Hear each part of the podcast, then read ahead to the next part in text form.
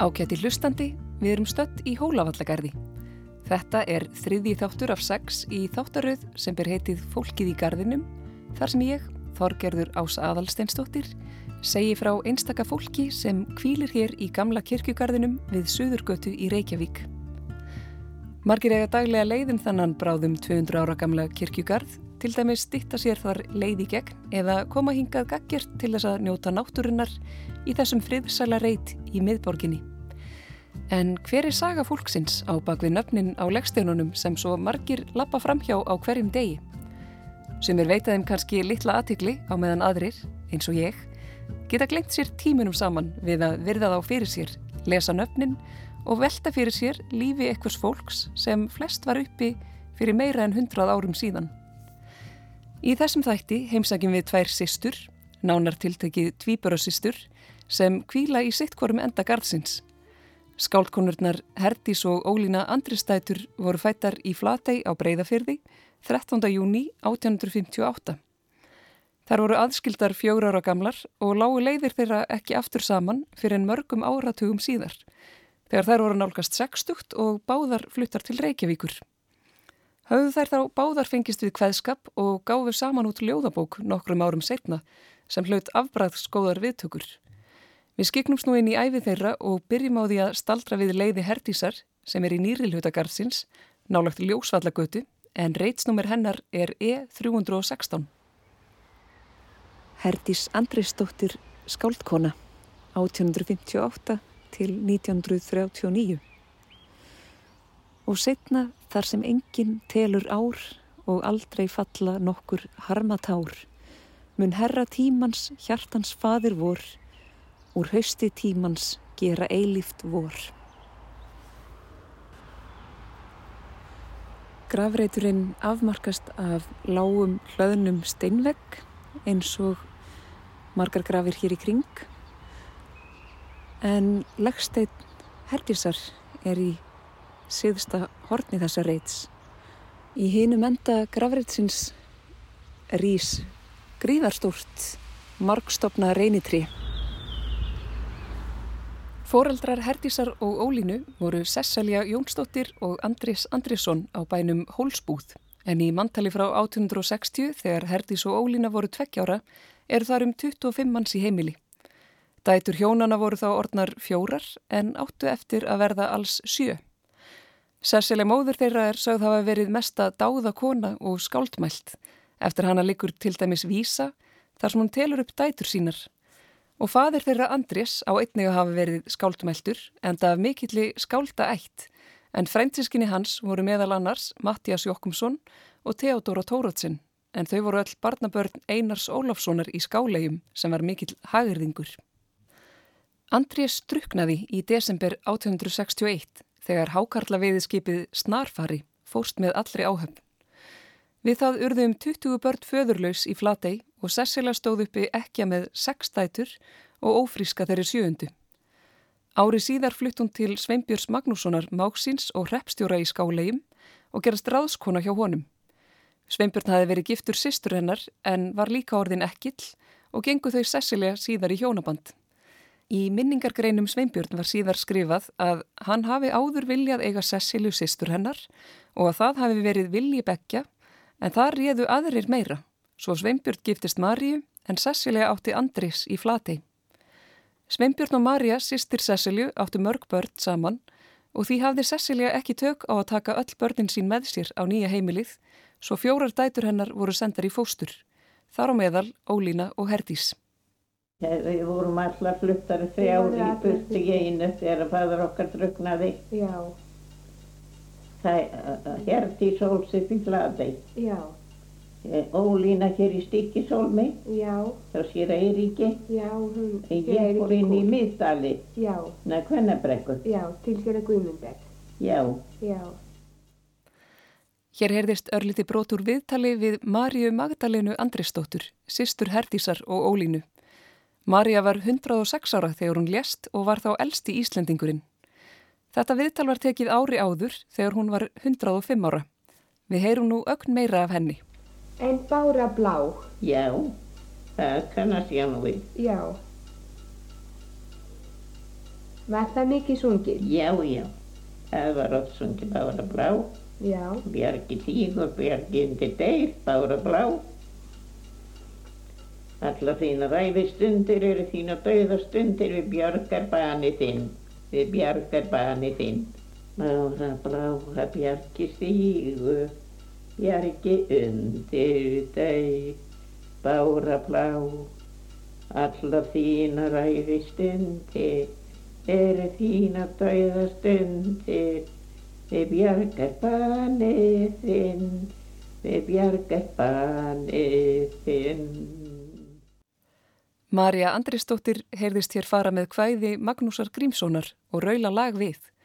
En þetta sönglag var ansi vinsælt á þeim tíma sem Herdís og Ólína voru ungar. Og það vill líka svo vel til að tekstin hæfir einstaklega vel þætti sem fjallar um kirkjugarð og látið fólk. Allar þínar æfistundir eru þínar dauðastundir. Og það má leika sér að hugmyndinu um hvernig þetta lag kann að hafa hljómað með undrileik. Bára bláa bjargi stígu, bjargi undir deg, Bára blá, alla þína ræfi stundir, eru þína dauða stundir, við bjargar banið þinn, við bjargar banið þinn.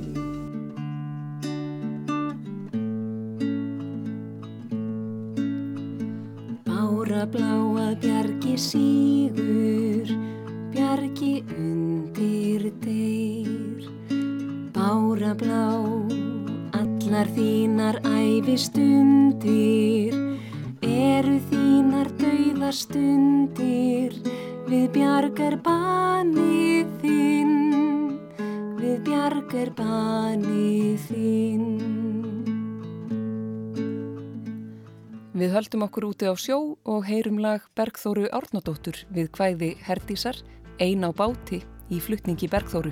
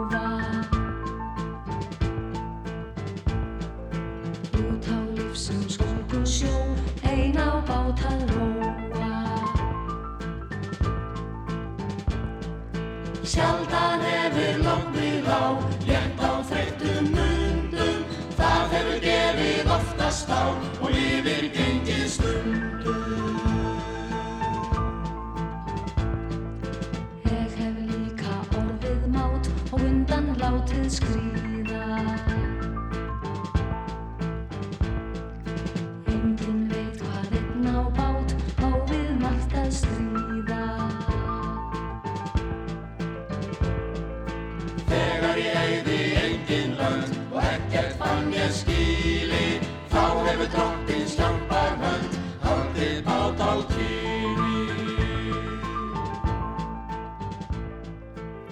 Herdís var sendið fóstur til Brynjólfs Benediktsen en hann var kaupmaður í Flatey og eigandi hákarlaskipsins sem fadir Herdísar fórst á. Eiginkona Brynjólfs hétt Herdís og hafði Herdís litla einmitt verið skýrð í höfuðu á henni. Á heimili þeirra skort ekki efnin en umhyggjan var takmörkuð sem litlu stúlkunni var sínd. Hún var látin vinna mikið og beitt harðræði eins og framkemur til dæmis í einni frásögn hennar af æsku minningu frá því hún var sjö ára. Ég tók prjónana mína en lítil mynd var á prjónaskapnum það kvöld. Enda fekk ég kinnhest hjá stofupíunni fyrir líkiföll og leti. Barnið hlaut sem sagt líkamlega refsingar ef hún var viðutan við vinnuna. En harmurinn og hverstakstritið er áberandi þema í kvæðum herdísar en í ljóðinu Brotur kvæði lýsir hún berum orðum umkomileysi sínu og vanlíðan á æsku árum. Ég var ung, er unnir, allt mér tóku frá. Má þess aðeins minnast, margt hvað breyttist þá. Föður minn hinn milda, marinn kaldur fól, sex við áttum systur samt hjá móður skjól. Þá kom þrauta árið, það ég man svo vel. Heitt mér hundi tárið, harm þann stærstan tel að ég frá minni móður mátti fara burt, þá sorg og hel og sækja að sökum ei er spurt. Á göfgum höfðingsgarði gefið var mér brauð. Þar voru nóar næktir, nóg af hverskins auð, gull og dýrir gripir, góðra vina fjöld og allt sem indi vekur æðst þar hafði völd. Fann ég fljótt og skildi, föður laus og snauð, að minna varum mildi og mann kærleikans auð. Læriði líkt að kvarta, leið þó margt og bar, en að ég ætti hjarta, engin hugði þar.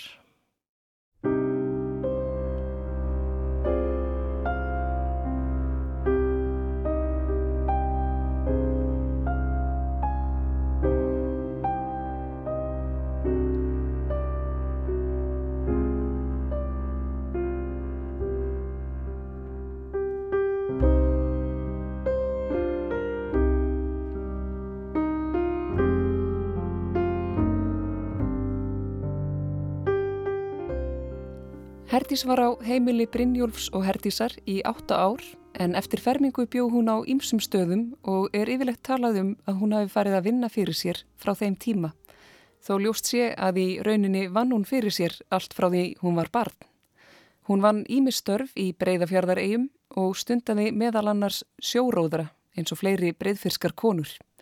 Í ljóðinu Kveðið við spuna þylur hún einmitt upp þau mörgustörf sem hún hefur unnið um æfina og þar segir meðal annars Heflað segl ég hefið rá, hert á reyðaböndum, austur trógi tekið á, tveimur auðsið höndum.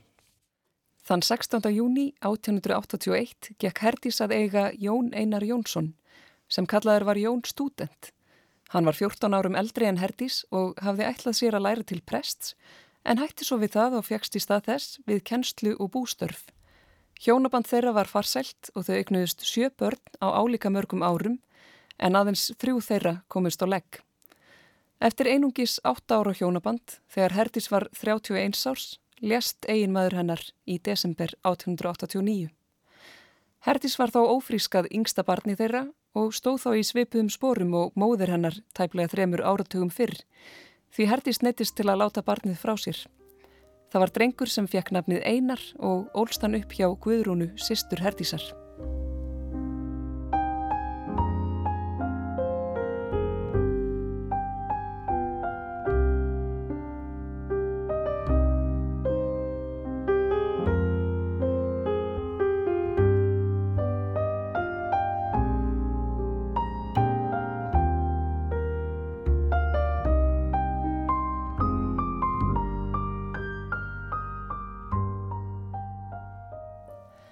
Herdís fluttist til mákonu sinnar Elisabetar Ragnhildar Jónsdóttur og eiginmanns hennar Ólafs Sigvaldarssonar héraðsleiknis. Þar bjó Herdís í 13 ár þar til húsbóndin Ólafur Læknir fjall frá og leysa þurfti heimilið upp. Í lesbókargrein frá 1965 lýsir Sesselja Stefánsdóttir fósturdóttir Læknishjónana æsku heimili sínu og segir meðal annars stuttlega frá Herdísi sem hún kallar Ljóðadísina og segir hann að oft hafa látið margar hendingar fjúka þegar hún leit eftir krökkunum. Hún segir læknishjónin hafa reynst börnum herdísar sem bestu foreldrar og eins hafi það verið ómetanlegt að hafa herdísi á heimili vegna dugnaðar og þess hver fjölhæf hún var og verkasnild hennar orðlögð. Árið 1904 flutti Herdís til Reykjavíkur á samt mákonu sinni og heldu þær heimili saman í rúm 20 ár. Allt þar til Elisabeth lést. Þá flutti Herdís til dóttur sinnar, frú Elínar Elisabetar Tórarensen að Baldurskötu 32, þar sem hún bjó síðustu tíu ár æfisinnar. Betur verður vikið að efri árum hennar og endurfundum þeirra sistra við leiði ólínu. Herdís orti þó nokkur hvæði þar sem hún lítur yfir farin veg. Eitt þeirra heitir Goldin skuld og hefst á orðunum Heimur, hvað viltu hér? Horfin sínist þín ró. Ekkert áttu hjá mér? Ég hef goldið þér nóg. En síðasta erindið er oft byrt eitt og sér og hljóðar svo. Lækkar lífdaga sól, laung er orðin mín ferð, fauk í faranda skjól, fegin kvíldinni verð. Guðminn, gefðu þinn fríð, glettu og blessaðu þá sem að lögðu mér lið, ljósið kvektu mér hjá. Herdís var áttræð þegar hún lést og segir Sigurður Nordal í eftirmælum um hana að ellin hafi verið henni mild og heiðrík eftir langa æfi sem var lengstum erfið, kvíldarlítil baráta fyrir lífinu og margar þungar sorgir. Jafnframt skrifar hann, hún var hinn ernasta á áttræðisamali sínu í fyrra, svo engan gatt þá grunað að hún ætti tæft ár og lifað. Lífið er okkur öllum gáta engin skildi mikið láta.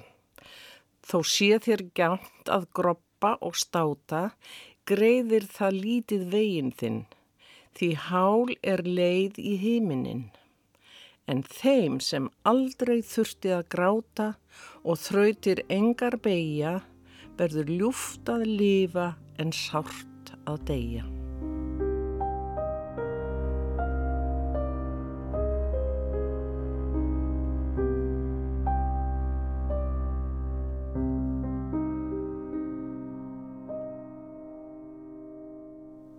Leiði Ólínu Andristóttur er mun vandfundnara en leiði Herdísar sýstur hennar. Það leynist hálfpartin falið milli annara leiða í eldri hluta gardsins, þar sem öllu ægir saman og stígarnir eru afar óreglulegir en reitsnúmir hennar er T205. Það er ekki að sjá að mikið hafi verið hyrtum leiði skáldkonunar Ólínu Andristóttur á síðustu árum en það er afmarkað með lágum steinvegg og í meðjum gravrætnum er, er tré þá lítið renglulegt en, en þó svo hátt að það skikir á leggsteinin sem er í því meðju og á honum stendur Ólína Andristóttir skáldkona fætt 13. júni 1858 dáinn 19. júli 1935 og dóttir hennar Ástriður Guðbrandsdóttir fætt annan desember 1880 en síðan hefur tímin orðið þess valdandi að dánardægur Ástriðar er ólæsilegt. Steitnin verist hafa sokkið ofan í jörðina og, og gróðurinn gerir það líka verkum að erfitt er að lesa á hann og með tímanum hefur steinin fengið grænan hatt úr mosa.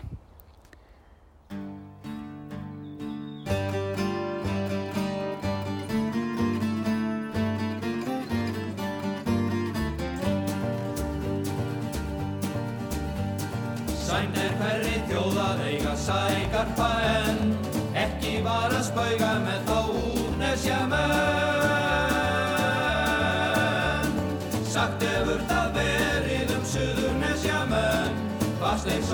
Sjóinn og sækja hann en Ekki er að spauga með Íslands sjómanns blóð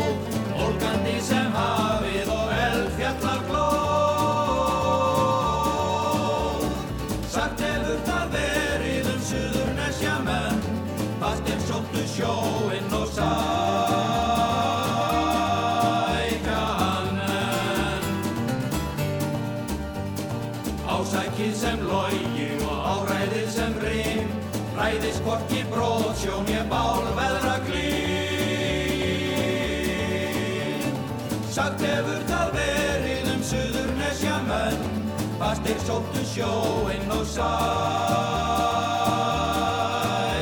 hann en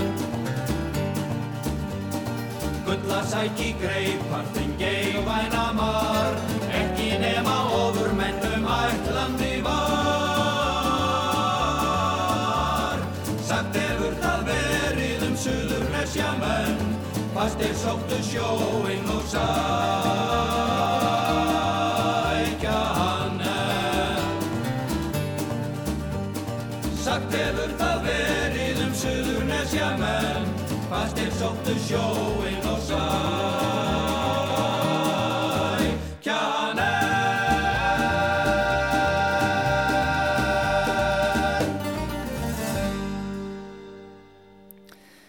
Hér heyrist Savanatrióið syngja lag Sigvalda Kaldalóns við kvæði Ólínu Andristóttur.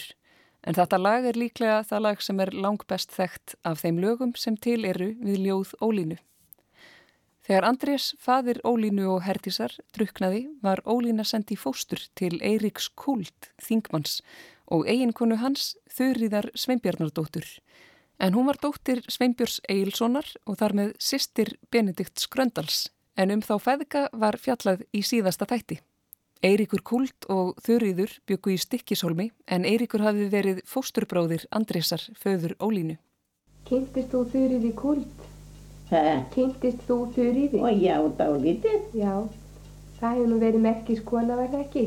Jú, jú, hún var það margan máta mildar kona. Já, Það var hún. Og þetta er nokkuð stórlát. já, Þarna heyrðist aftur í Maríu, sýstur þeirra Ólínu og Herdísar.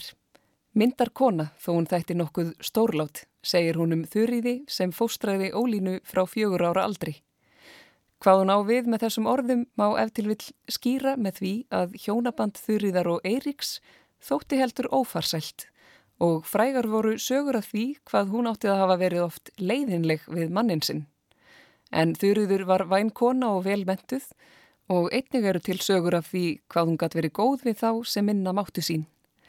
Hvað sem líðan hennar í hjónabandinu leið er ekki annað að sjá af heimildum en að Ólínu hafi liðið nokkuð vel á heimili þeirra og notið góðs af veru sinni á þessu menningar heimili. Ólína var í átta ár hjá þeim hjónum og gerðist þá svo lánsum að fá að fara aftur til móður sinnar og flutti þá til hennar og stjúpföður síns í skálegjum. Ekki er ljóst nákvæmlega hvenar Ólína fórað heimann til að vinna fyrir sér en það hefur verið fyrir tvítugt, líklega á úlingsaldri. Þá fór hún sem vinnukona að stórbílinu Kvítadal í Sörbæjarreppi, þar sem hún bjó í um 20 ár. Personulegir hægir Ólínu eru yfirleitt dregnir saman í einni stuttri setningu sem gerðnan hljómar einhvern veginn svona. Ólína giftist aldrei en átti eina dóttur með Guðbrandi Sturlöksinni bónda úr Svefnegjum. En hver var þessi Guðbrandur og hvers vegna giftust þau ekki?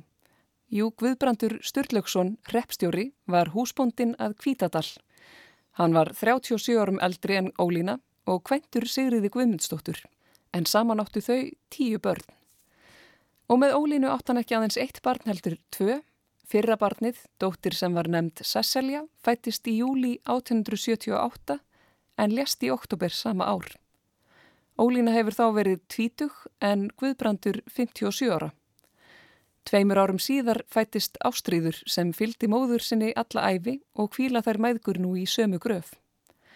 Guðbrandur gegst ofinberlega við faðerninu en í mantali frá 1890 stendur skrifað Ástríður Guðbrandsdóttir, nýju ára, Hórgetin dóttir bónda.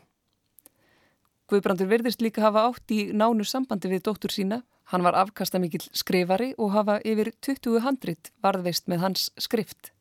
Þrjú þeirra eruð árituð til ástríðar og í einu þeirra stendur Fargað ekki bókinni, dóttir mín. Þegar þú ert orðin stór, getur þú lesið hana. Í minningargrein sem skáldkonan Theodora Tórótsen skrifaði um Ólínu stendur meðal annars að hún hafi átt erfitt aðstöðu í Kvítadal en Theodora bætir við að veru hennar hafi lokið á þann veg að allir góðir menn og konur, ekki aðeins innan heimilis, heldur innan sveitar og víðar, dáðu hana og báru til hennar einlegan vinar og virðingar hug og mætti það allt næja til að sína hver mannkosta kona hún var. Það er erfitt að gera sér þessar heimilisaðstæður í hugarlund nú til dags og í raun er ómögulegt að vita hvernig sambandi Ólínu og Guðbrands var raunverulega háttað. Hvort sem um gagkvæma hrifningu var að ræða eða ekki er valda ójapvægið rópandi þegar kemur að aldri, kyni, stjætt og stöðu. Eitt þekktasta kvæði Ólínu er tregafullt ástarljóð sem heitir Svarað brefi og nú má velta fyrir sér hvort það sé orð til Guðbrands húsbónda hennar eða einhvers huldumanns. Þú grátbyður mig að gleima þér, það get ég ei þó ég vildi. Því allt sem að best og bjartast er, það bendi mér á þitt gildi. Og elskan, hún hefur ábyrst mér, því aldrei ég missa skildi. Þú heilsa mér sérkvern heiðan dag, þig heyri ég í lækjar kviki. Ég finn þig í söng og fögrum brag sem faðmur mig örmum líki. Ég sé þig við hvert eitt sólarlag í síðasta geysla bliki. Og jafnvel þótt augun sviftust sín, þá sérðu það, vínu minn góði. Fyrst ódöðleg sál er eiga mín, þá ert þú í tryggum sjóði. Það máist ekki af henni minning þín sem mörguð er tárum og blóði. Ef drottin sendi mér blund á brá, þá blæð ekki hjarta sárin. En samt ég ekki einu sviftar smá, þó svifi úr minni árin. Sælinu mestu er sorgin á að sjá þig gegnum tárin. Þó heimili byði heimurinn mér við hefðar og nöytna brunna, Að meta þá tign sem maklegt er, það myndi ég ekki kunna. En eiliðin ein vinst að þakka þér að þú hefur kent mér að unna. Ert að koma, koma til að gefa Koma til að mýta harm og sefa með líknar fangið fullt af hvild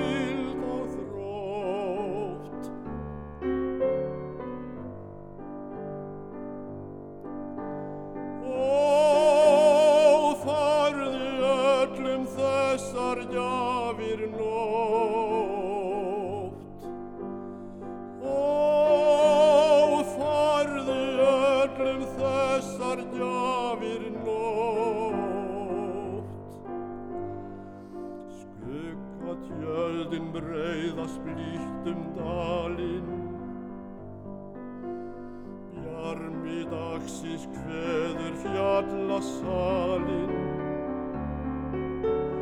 Ó, nætur blíða með svepsins sæta frið. Þú sættir hvert eitt hjarta lífið við. Ert að koma, koma til að gefa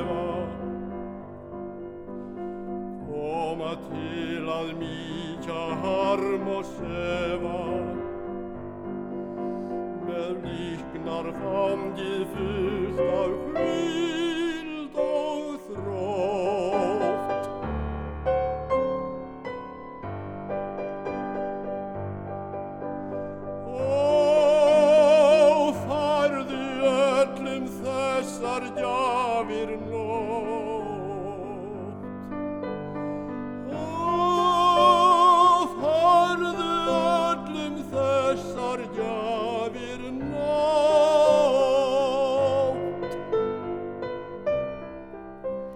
Hér heyrðist Árni Sigvardsson syngja lag Sigvalda Kaldalóns við ljóð Ólínu Andresdóttur.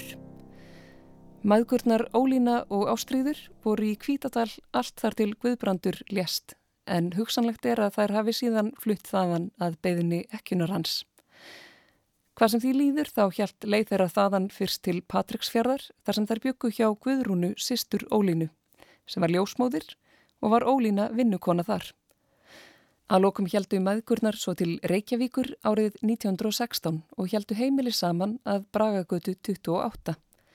Þá hafði Herdís tvíbröðsistir Ólínu þegar búið þar í rúman áratug og urðu með þeim kærkomnir endurfundir. Hugsanlegt er að Marja sýstir þeirra hafi leitt þar saman en Marja sagði skemmtilega frá því í bladaviðtali í tilefni 100 ára afmæli síns þegar hún hitti Herdísi í fyrsta sinn síðan þær voru aðskildar þryggja og fjögura ára gamlar.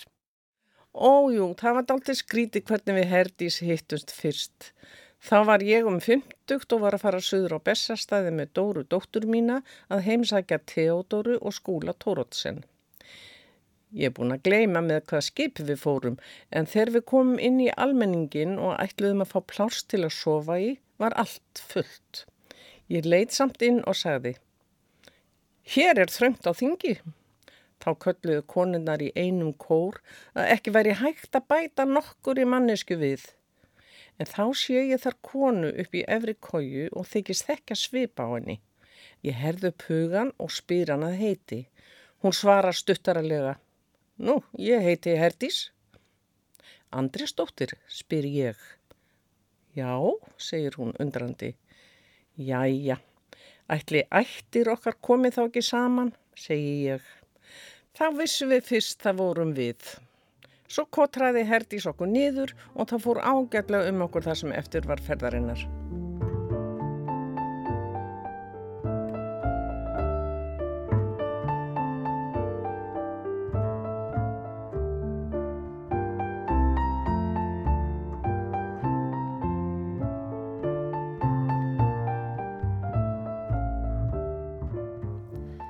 Að vissu leiti rann upp blómstur skeið þeirra sistra þegar þær voru loks sameinaðar í Reykjavík á efri árum.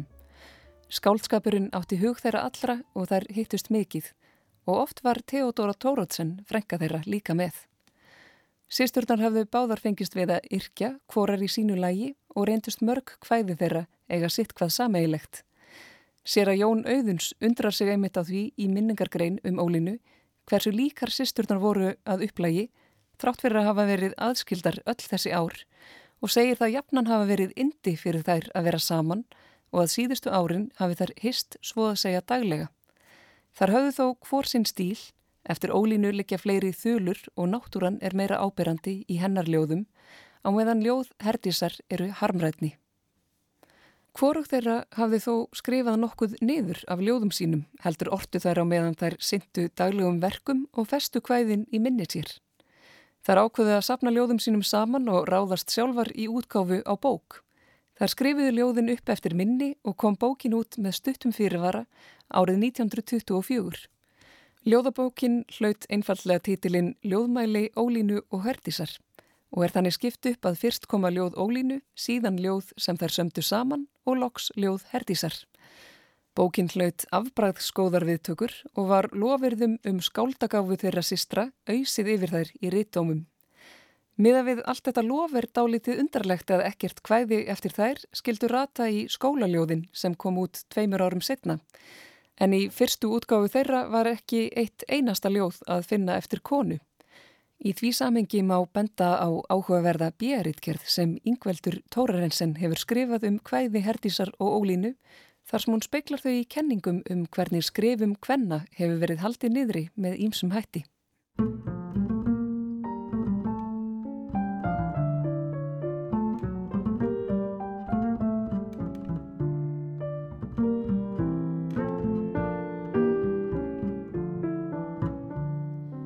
Ólína var merkileg kona að vitsmunum og hjartalagi og það er satt sem árni prófastur Þórarinsson sagði um hana að höggva hefði mátt í stein hvert orð sem hún talaði. Skrifar sér að Jón Auðuns í ingangi að Lundinum græna sem er glettin ljóðabók þar sem sýsturnar yrkja um ástildi Torsteinsson, frængu sína í Hafnarfyrði. En þær voru tíðir gestir á heimili hennar, oft dögum saman. Um Herdísi skrifar Jón að um hanna hafi leikið fágætur leiftrandi gleði blær, vísurnar fuku af vörum hennar og hláturinn dundi. Í ettu Þórbergs Þórðarssonar er eitt kapli sem nefnist Styrjöldin við Herdísi og Ólínu og segir frá ljóðakeppni sem hann átti í við þær sýstur. Hann átti upphafið að þessu og komið fyrri part vísu sem þær botniðu á augabræði. Keppnin stóð yfir í tvær klukkustundir og að lokum hafði Þórbergur betur. En hann segir þó sýsturnar hafa verið miklu hagorðari en hann og hafa tekið skáldskapin bæði sinn og annara mjög alvarlega. Um sýsturnar skrifar Þórbergur. Ég held að mesta skemmtun mín á þessum árum hafi verið að ræða við þær sýstur. Sérstaklega heyra þær segja frá. Þær höfðu frásagnar gáfu á háustígi og voru geysilega fróðar. Þar að auki virtust þær vera auðugri að hjarta mentun en maður á að venjast hér á landi. Ef til vill hætti þeim dálitið við að leggja fullmikla áherslu á skemmtun ræðunar. En ég held að það hafi fremur verið óviðráðanleg skáldgáfa sem bar þær þar af réttri leið heldur en meðvitandi gápna löstur. Mér komuð þær þann veg fyrir sjónir að þær mættu í engu vamsitt vita. Það sést vel á hvæðum þeirra sistra hversu mjög skáldskapurinn var þeim hugleikin en eftir ólínu likur til dæmis ljóð sem nefnist til ljóðadísarinnar og hún orti líka meðal annars erfiljóð um Mattias Jokkumsson. Herdis orti meðal annars ljóð sem nefnist Nýjir brægir og fleiri hvæði sem eru eins konar bókmentagakrinni í ljóðaformi. Ljóðið Svartar fjæðurir er auðvitað ort til Davíðs Stefánssonar eins og titillin gefur vísbendingu um. Í því ljóði leggur Herdis eitt og annað til sem að hennar mati mætti betur fara hjá hinnu unga skáldi. Hér sérðu svig og pretti, samlindi hjóna ljótt, kvæsandi urðar ketti, kolsvarta vetrar nótt, konur á lasta leiðum, lituð og mont Nóttin fljóð, satan á sálna veiðum. Svona eru þessi ljóð. Viljurðu eiga ítök hlý í okkar hjörtum, flegðu að því að fjöðrum svörtum, fljúðu á svana vangjum björtum. Sínd okkur sætli landa sólarróða, hér er nóg um brím og boða, böl og hættur, synd og voða. Syngdu um ástir, syngdu um vor og sumarblómin, svo við heyrum unaðsómin eftir laungu dáin rómin. Rétt er að geta þess að Herdís orti fleiri ljóð um hveðskap Davíð Stefanssonar sem voru á jákvæðari nótum en svartar fjæðrir. Sisturnar letu sig miklu varða gangmála í þjóðfélaginu, fyldust vel með í menningarlífinu og hafðu heita trú sem er áberandi í mörgum hvæða þeirra og báðar eiga þær sálma í sálmabók þjóðkirkjunar. Um Herdísi segir Jón Auðuns að hún hafi haft ákveðnarskoðanir á stjórnmálum, trúmálum og menningarmálum, ekki allar móðins en allar svo fastar að þar fengu aðrir engu um þokað. Um ólinu skrifar hann Á trúmálum og stjórnmálum hafði hún tröstar skoðanir. Þau mál var hún fúsað ræða og let oft um þau falla heit orð því að þau voru henni heilög alvöru mál. Ég held að indistokkin sem að príti eðli hennar hafi engum stafað frá hennar heitu og björtu trú sem sálmannir hennar sína best.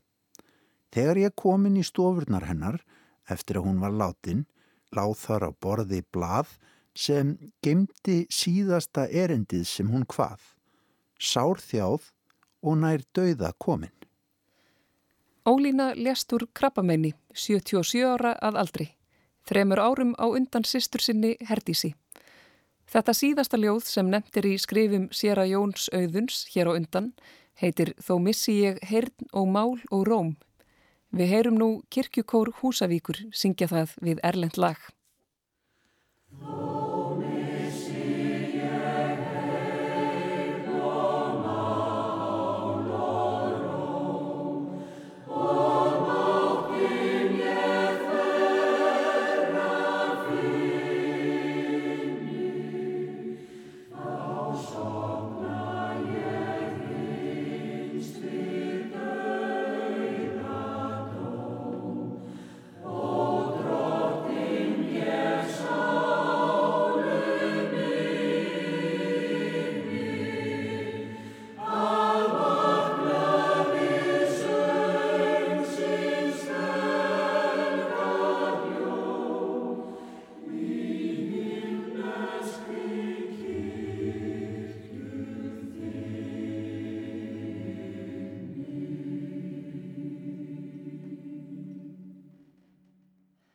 Þetta var þriðnið þáttur af sex af fólkinu í gardinum sem segir frá einstaka fólki sem kvílir í Hólavallagarði, gamla kirkjugarðinum við Suðurgötu.